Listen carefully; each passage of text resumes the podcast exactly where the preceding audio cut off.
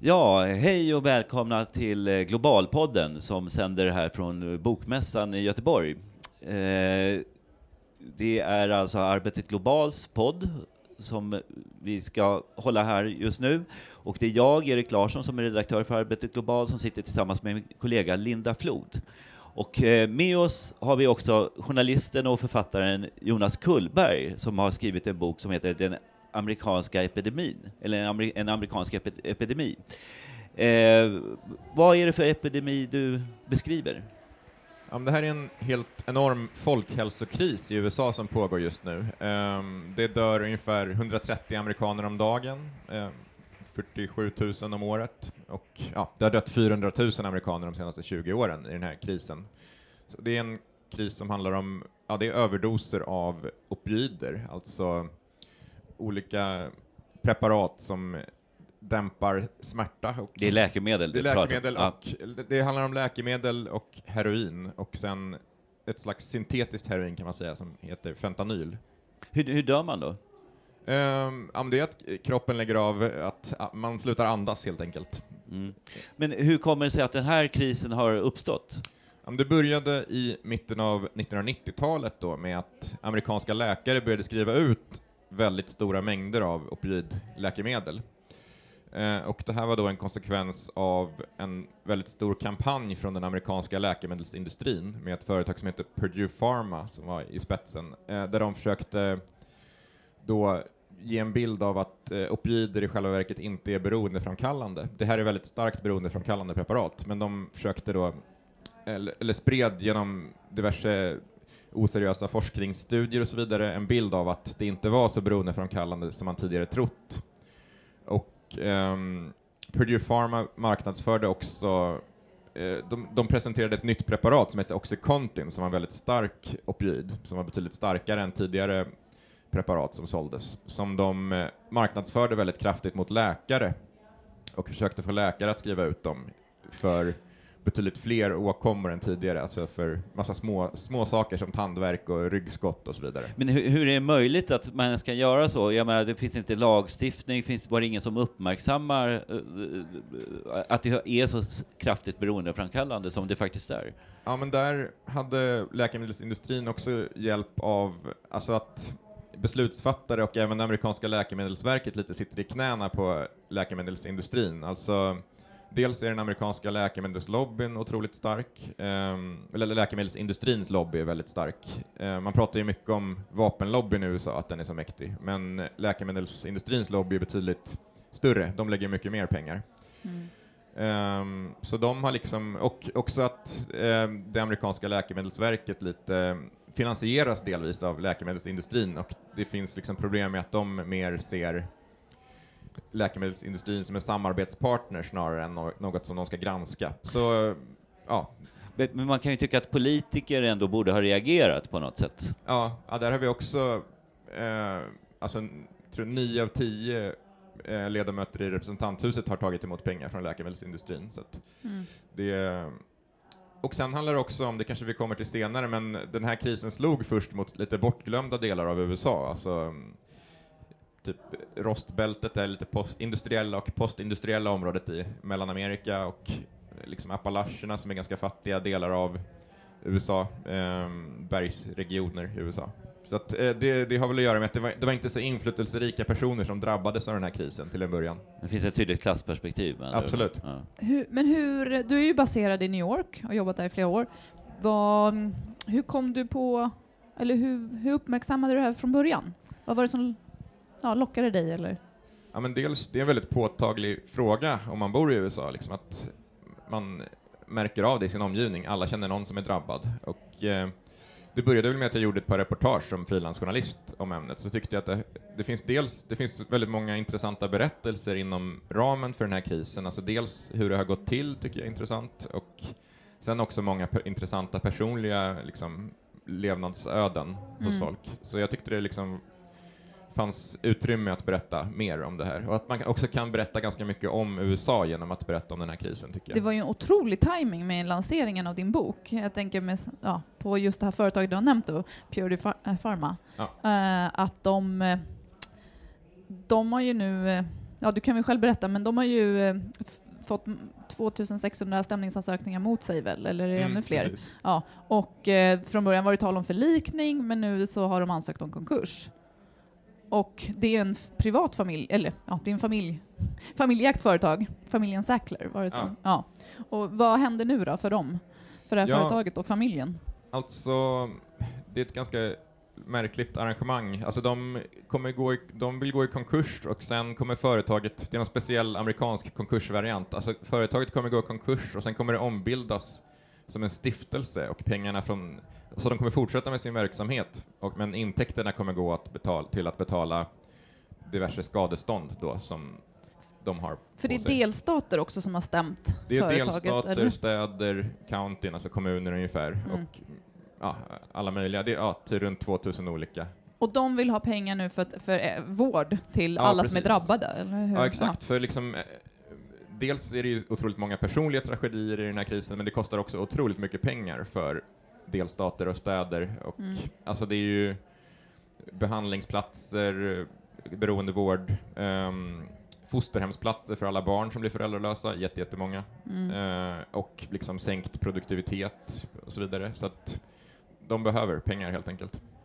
Vi, vi är ju, på Arbetet Global, som, som du vet, så är vi ju väldigt intresserade av arbetsmarknaden, alltså hur olika samhälleliga företeelser får för effekt för arbetare och arbetsmarknaden i stort. På vilket sätt har den här opioidkrisen påverkat arbetskraften, om man säger så? Du nämnde någonting om rostbältet här. Så. Ja, alltså dels, eh, ja, men om man besöker de här delarna av USA så har de problem med att hitta eh, arbetskraft som inte är missbrukare, alltså det, som klarar drogtester eller som klarar att jobba överhuvudtaget. Och ehm, alltså, den amerika- alltså antalet amerikaner i, eller andelen amerikaner i, som är i arbete eller söker arbete har minskat ganska kraftigt under hela 2000-talet och finns det studier som visar, och det hänger ihop med opioidkrisen, att ehm, det är liksom det är färre personer som kan arbeta helt enkelt. På grund av att de är drogberoende då? Ja, eller så du? Precis. Okej. Ehm, och alltså läkemedelsindustrin och Purdue Pharma marknadsförde, som sagt, var jag inne på det, med Mm, att de ja. marknadsförde väldigt Ja, kraftigt ja, ja, mot de här ja. delarna av USA. Just så att, Och för att de visste då att de, det var lättare att göra människor från lägre ja, samhällsklasser beroende. Ja, alltså de köpte in olika register. Purdue Pharma köpte in ett register över där man kan se vilka, vilka delar av landet där det skrivs ut mycket av andra opioidläkemedel, eller andra läke, smärtstillande läkemedel. Och sen Mm. kunde de marknadsföra sitt preparat som var betydligt starkare och Mm. farligare.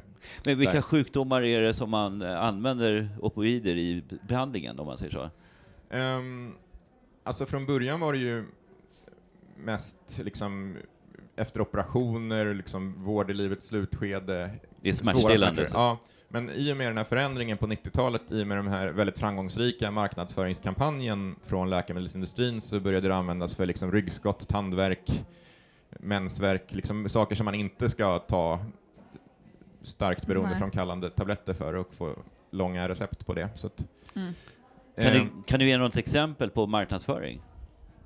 Alltså, fin, har de använt någon typ av särskild slogan, eller vad, är det för... Hur, hur, Ja, dels, um, de, en grej de gjorde var att de skickade läkare på så här olika lyxiga semesterorter där de fick ha konferenser och gratisresor. Det var ett, en väldigt omfattande metod, um, där de fick liksom ta emot propagandabudskap om de här preparatens förträfflighet. Sen så, ja, de produc- Purdue Pharma tillverkade ganska mycket olika promotion-prylar. Det var så här, ehm, till exempel en skiva med som heter Get in, Get in the swing with Oxycontin med två så här glada pensionärer på omslaget som de marknadsförde preparatet med.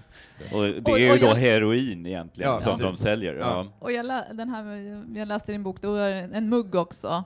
Once you got it, stay with it eller någonting. Ja, the one to start with, The the, one- one to stay with. Ja, så det är verkligen Ja. någon slags uppmuntran till beroende. Ja, i, verkligen. Man, man, eh, man ljuger ju inte med det budskapet i alla fall. Nej, så så kan nej. man ju säga i alla fall. Precis. Ja. Ja, men, men du, vi pratar hela tiden om den här Pure Pharma. Finns det några andra, finns det fler bolag som har gjort liknande Ja, absolut. resor? Alltså, och, ja.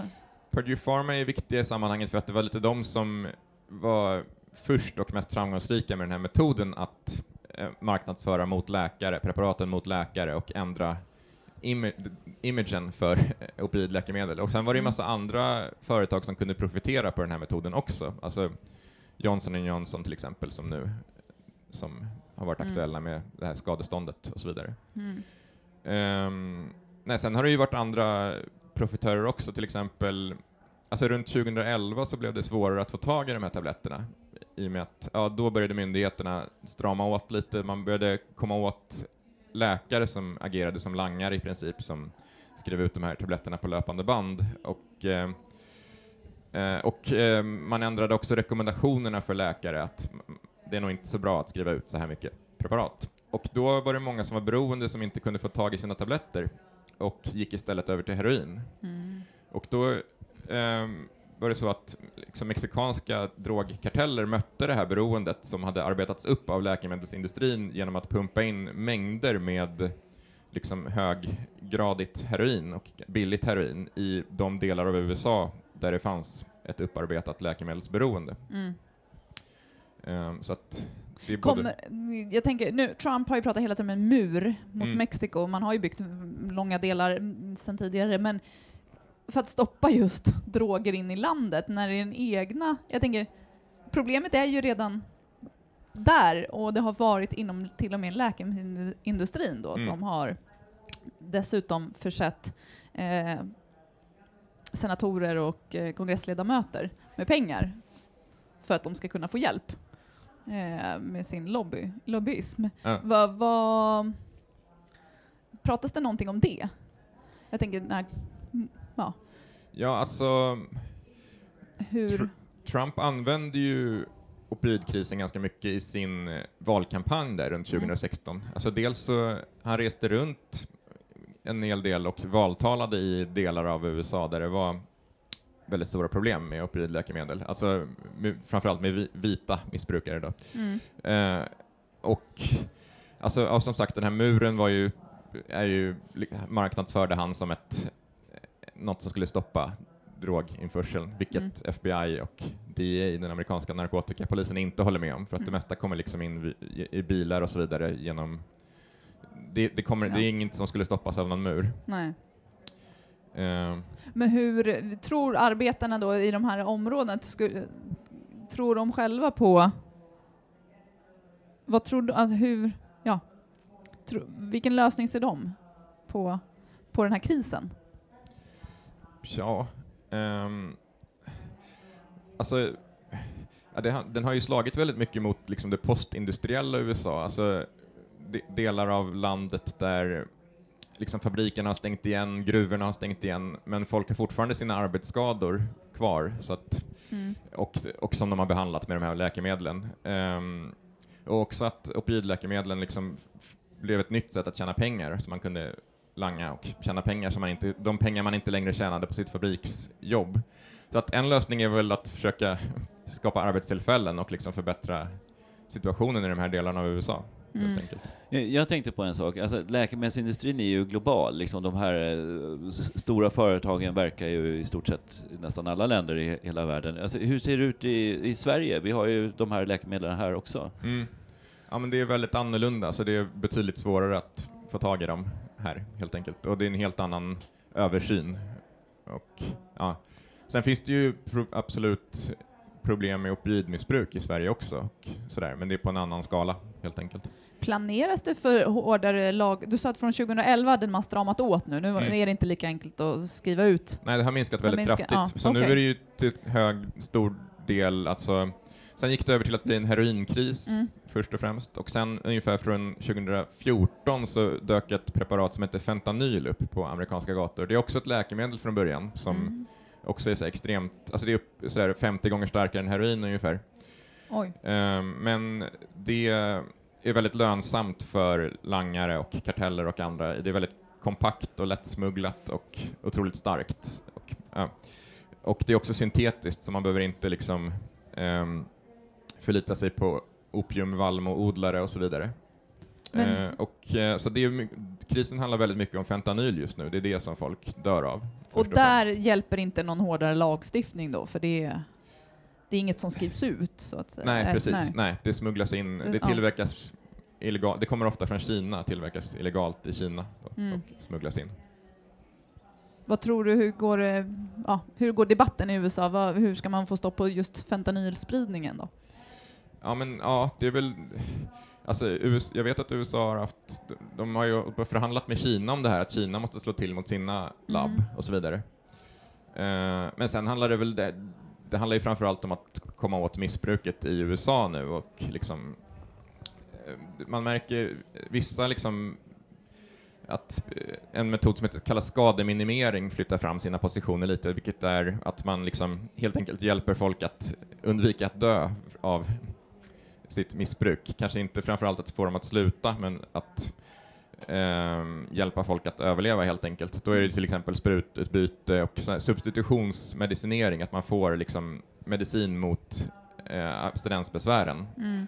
Det är väl metadon och Subuxon och sånt där. Men, men finns det möjlighet att ersätta de här på, på något sätt? Alltså finns det alternativ, alternativ som kan lindra eh, eh, ja, bero, beroendet helt enkelt? Jag tänker inte på eh, abstinensmedicin, utan att man kan by- byta ut de här smärtstillande mot andra droger. Eller är de så Ehm. potenta så att det finns inget annat? Det där är lite omdebatterat. Det finns ju vissa som menar att man ska liksom, att det, det finns lite olika studier att till exempel i de delar där det är legalt med medicinsk eh, cannabis, att de har mindre överdoser, färre överdoser av opioider för att folk rök eller tar Mm. cannabis istället. Men det finns andra studier som säger emot det, så att det är lite fram och tillbaka där. Då vet man ju inte heller om det är läkemedelsindustrin som har varit med och finansierat dem också. Då, Nej, eller? nej, visst. nej. Ja. Väldigt intressant ämne i varje fall och hur det har då påverkat just eh, arbetskraften också i USA. Och i de här delarna, kommer du fortsätta bevaka? Jo men absolut, och nu händer det så pass mycket också Mm. med de här. Det kommer vara en stor eh, rättegångsprocess, rättsprocess nu i Ohio i oktober när det är just den här två, ja, 2000 olika delstater, städer, kommuner och massa olika aktörer som har stämt. Ja, det är gruppstämning det är en grupp, ja Mm. precis. Okej. Så det kommer jag bevaka. Mm. Är, är det på något sätt, eh, har de amerikanska facken engagerat sig i den här frågan på något sätt eller? Eh, inte vad jag har märkt Nej. direkt. Mm. Nej. Jag tänkte ut- ut- ta upp eftersom det drabbar många av så här, eh, ja, vanliga arbetare, liksom, så här, Mm. men det har inte blivit en facklig fråga helt enkelt. Så Nej, det är inte, inte vad jag har stött på i alla fall. Nej. Nej. Nu när vi sitter på Bokmässan också måste vi fråga dig innan vi avslutar om du har något eget boktips? Har du? Ett boktips. Ja, eller, Från, eller du behöver inte ge någon boktips. Är det någon, har du läst någon bra bok? ehm, nyligen. Eh, Det är svårt att få den här frågan ibland. men- Ja. Ehm, Alltså en, en intressant bok som jag Mm. läste i arbetet med den här boken hette Smack, Heroin and the American City, som handlar om, nu minns jag inte vad författaren heter, men den Okej. handlar väldigt mycket om liksom, amerikansk droghistoria och hur amerikanska städer har påverkats av olika drogepidemier epidemier genom historien. Ja, nej men eh, vi får avrunda nu och säga tack till eh, författaren och journalisten Jonas Kullberg. Tack så mycket. Tack. Tack för att du kom.